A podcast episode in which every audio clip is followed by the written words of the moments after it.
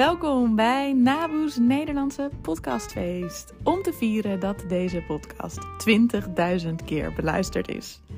Eén week lang heb ik elke dag een aflevering voor je met daarin een leuk woord, een fantastische uitdrukking, een tip, een uitdaging voor jou en een geheime aanwijzing waarmee je een leuke prijs kunt winnen. Hartstikke leuk dat je er bent. Laten we beginnen. Yes, welkom bij alweer de derde aflevering van Naboes Nederlandse podcastfeest.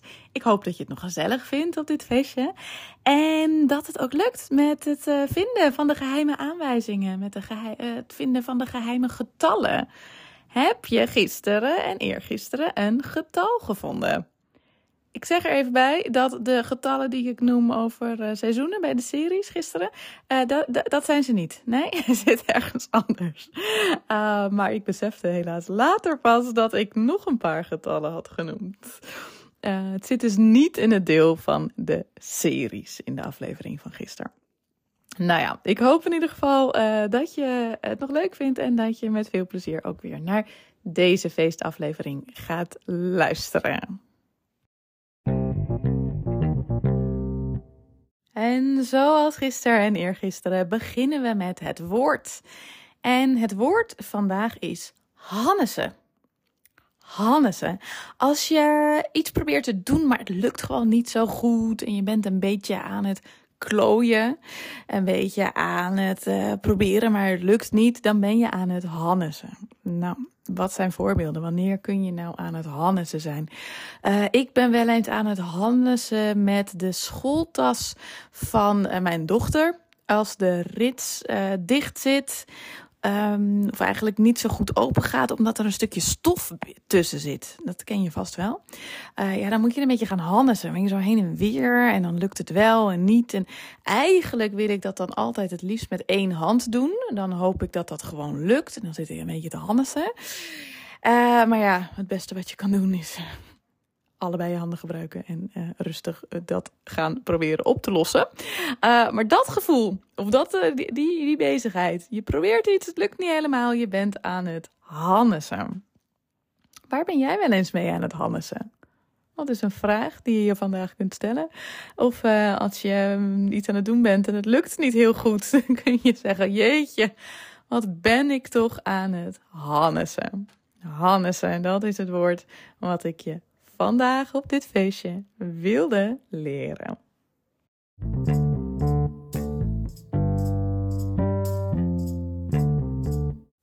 En de uitdrukking van vandaag is in mijn uppie. Als je in je uppie bent, je kunt hem dus veranderen in mijn uppie, in je uppie, in ons uppie, hoewel dat een beetje gek is, in zijn uppie, in haar uppie.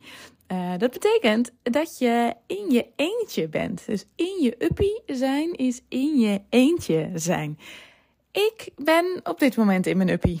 Ik ben deze, dit feest voor jou aan het opnemen met niemand om me heen. Ik ben in mijn uppie. Maar het voelt niet eenzaam hoor, moet ik zeggen. Ik, uh, het voelt eigenlijk heel gezellig. Ik voel, uh, ik voel me niet alleen. Ik ben in mijn uppie, maar ik voel me niet alleen. En op het moment dat jij dit luistert, uh, ben je natuurlijk niet in je uppie, want ik ben bij je. Ik ben tegen je aan het praten. Dus jij bent niet in je uppie. Ik ben nu in mijn uppie aan het opnemen. Maar ik weet dat dat niet voor lang is, want zodra jij luistert, zijn we allebei niet meer in ons uppie.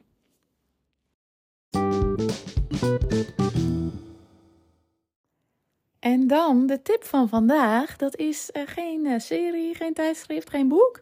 Nee, dat is een plek. Een plek in Nederland, namelijk Zuid-Limburg.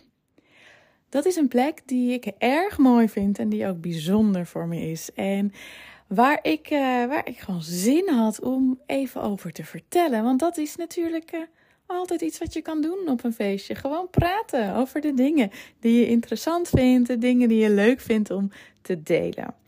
Zuid-Limburg is voor mij een regio die ik goed Um, ik, uh, ik kom er eigenlijk best wel uh, regelmatig. En zeker als kind kom, kwam ik er regelmatig. Echt wel, nou ja, vijf keer per jaar waarschijnlijk wel. Um, als het niet nog weer iets meer was. Um, terwijl ik er niet woonde. Ik woonde in Amsterdam. Maar mijn, mijn oma woont daar nog steeds. En um, daardoor ging ik er gewoon regelmatig naartoe. Ook al is het voor Nederlandse begrippen ontzettend ver natuurlijk. Vanuit Amsterdam gezien, ja. Ik weet dat iedereen op verschillende plekken woont in Nederland. Maar uh, vanuit uh, Amsterdam was het uh, toch een behoorlijke autoreis. Vandaar dat ik er ook weer niet zo vaak kwam. Maar echt wel meerdere keren per jaar om mijn oma op te zoeken. En zij woont vlak bij de Belgische grens. Nou ja, misschien ken je Zuid-Limburg. Um, omdat je er uh, toevallig ook woont of omdat je er uh, wel eens op vakantie bent geweest. Maar het is een heel mooi gebied en ook een speciaal gebied wel. Want het is het enige gebied in Nederland waar bergen zijn. Als jij uit echt berggebied komt, dan lach je me natuurlijk uit. Uh, ik lach mezelf ook een beetje uit, want er zijn natuurlijk geen bergen in Nederland. Maar Zuid-Limburg is wel echt heel heuvelachtig. Het is echt wel anders dan hele grote delen van Nederland. Er zijn wel meer gebieden wat heuvelachtiger, maar Zuid-Limburg is echt het meest heuvelachtig. Ik vind het zelf vooral in de herfst echt prachtig met de bomen die verkleuren en je kunt er super mooi wandelen.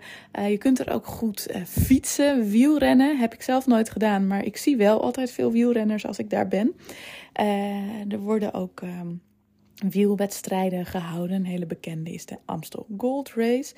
Uh, omdat, daar, ja, omdat, het, omdat er gewoon heuvels zijn met echt hele steile plekken. Het heeft wel iets ja, bergachtigs. Niet echt bergachtigs, maar een soort van uh, berg, bergachtig. Voor Nederlandse begrippen zijn daar bergen. Het allerhoogste punt van uh, Nederland is daar ook de Vaalserberg iets meer dan 300 meter hoog. En daar is ook het drielandenpunt. Dus het punt waar drie landen samenkomen. Nederland, België en Duitsland. Uh, een bijzondere plek ook altijd en grappig om even in drie landen tegelijk te zijn. Uh, dus dat is in uh, Zuid-Limburg. Er zijn ook heel veel mooie dorpjes. En een hele mooie stad, namelijk Maastricht. Maastricht is een hele mooie stad, oude stad. De Romeinen waren daar al. Er is een groot plein in het midden. Er zijn mooie straatjes. En ik denk dat als je daar bent, dat je ook wel merkt dat er uh, ja, toch een beetje een andere sfeer hangt. Ik denk dat je gewoon merkt dat het zuidelijker is. Dat je meer in de buurt van België komt en in de buurt van Frankrijk komt. Uh, over het algemeen is het gewoon wat chiquer. Dus mensen zijn ook chiquer gekleed. Ze hebben nettere kleren aan, mooiere kleren aan. Uh, de winkels verkopen vaak ook wel ja, mooiere kleren. Er zitten een aantal bekende modewinkels ook in Maastricht. Juist omdat ze ja, daar... Um, meer mensen hebben die ze kunnen bedienen, aan wie ze dingen kunnen verkopen. En uh, je merkt ook dat het Bourgondischer is, de hele regio. En wat bedoel ik met Bourgondisch? Bourgondisch gebruiken we om een bepaalde levensstijl te beschrijven. Een meer genietende levensstijl.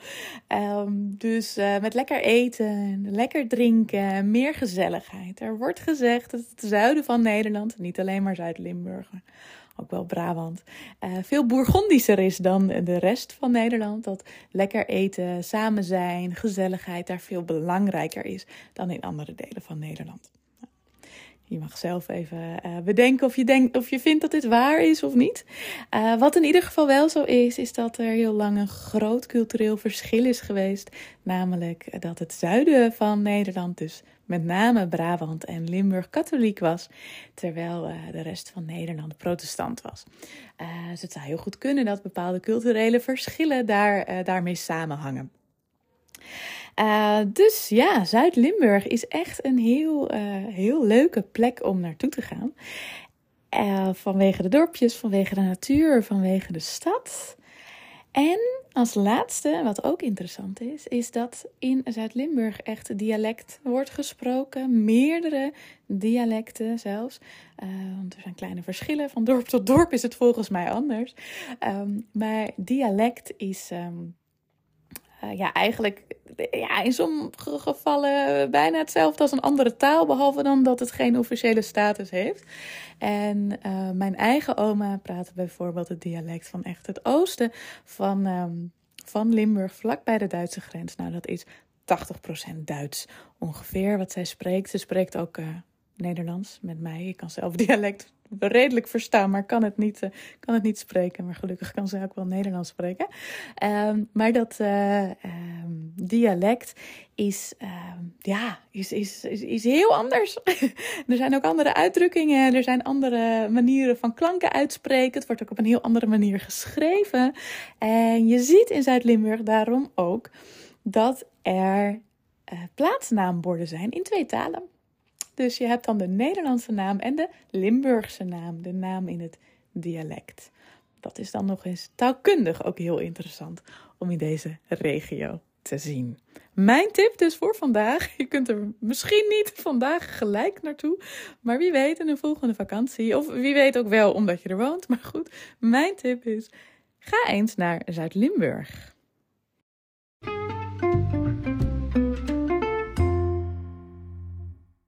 En dan is het alweer tijd voor de uitdaging van vandaag. En uh, die uitdaging kun je mooi uitvoeren als je in de auto zit op weg naar Zuid-Limburg. en uh, net als ik daar niet in de buurt woont, dus als je lekker lang in de auto moet zitten.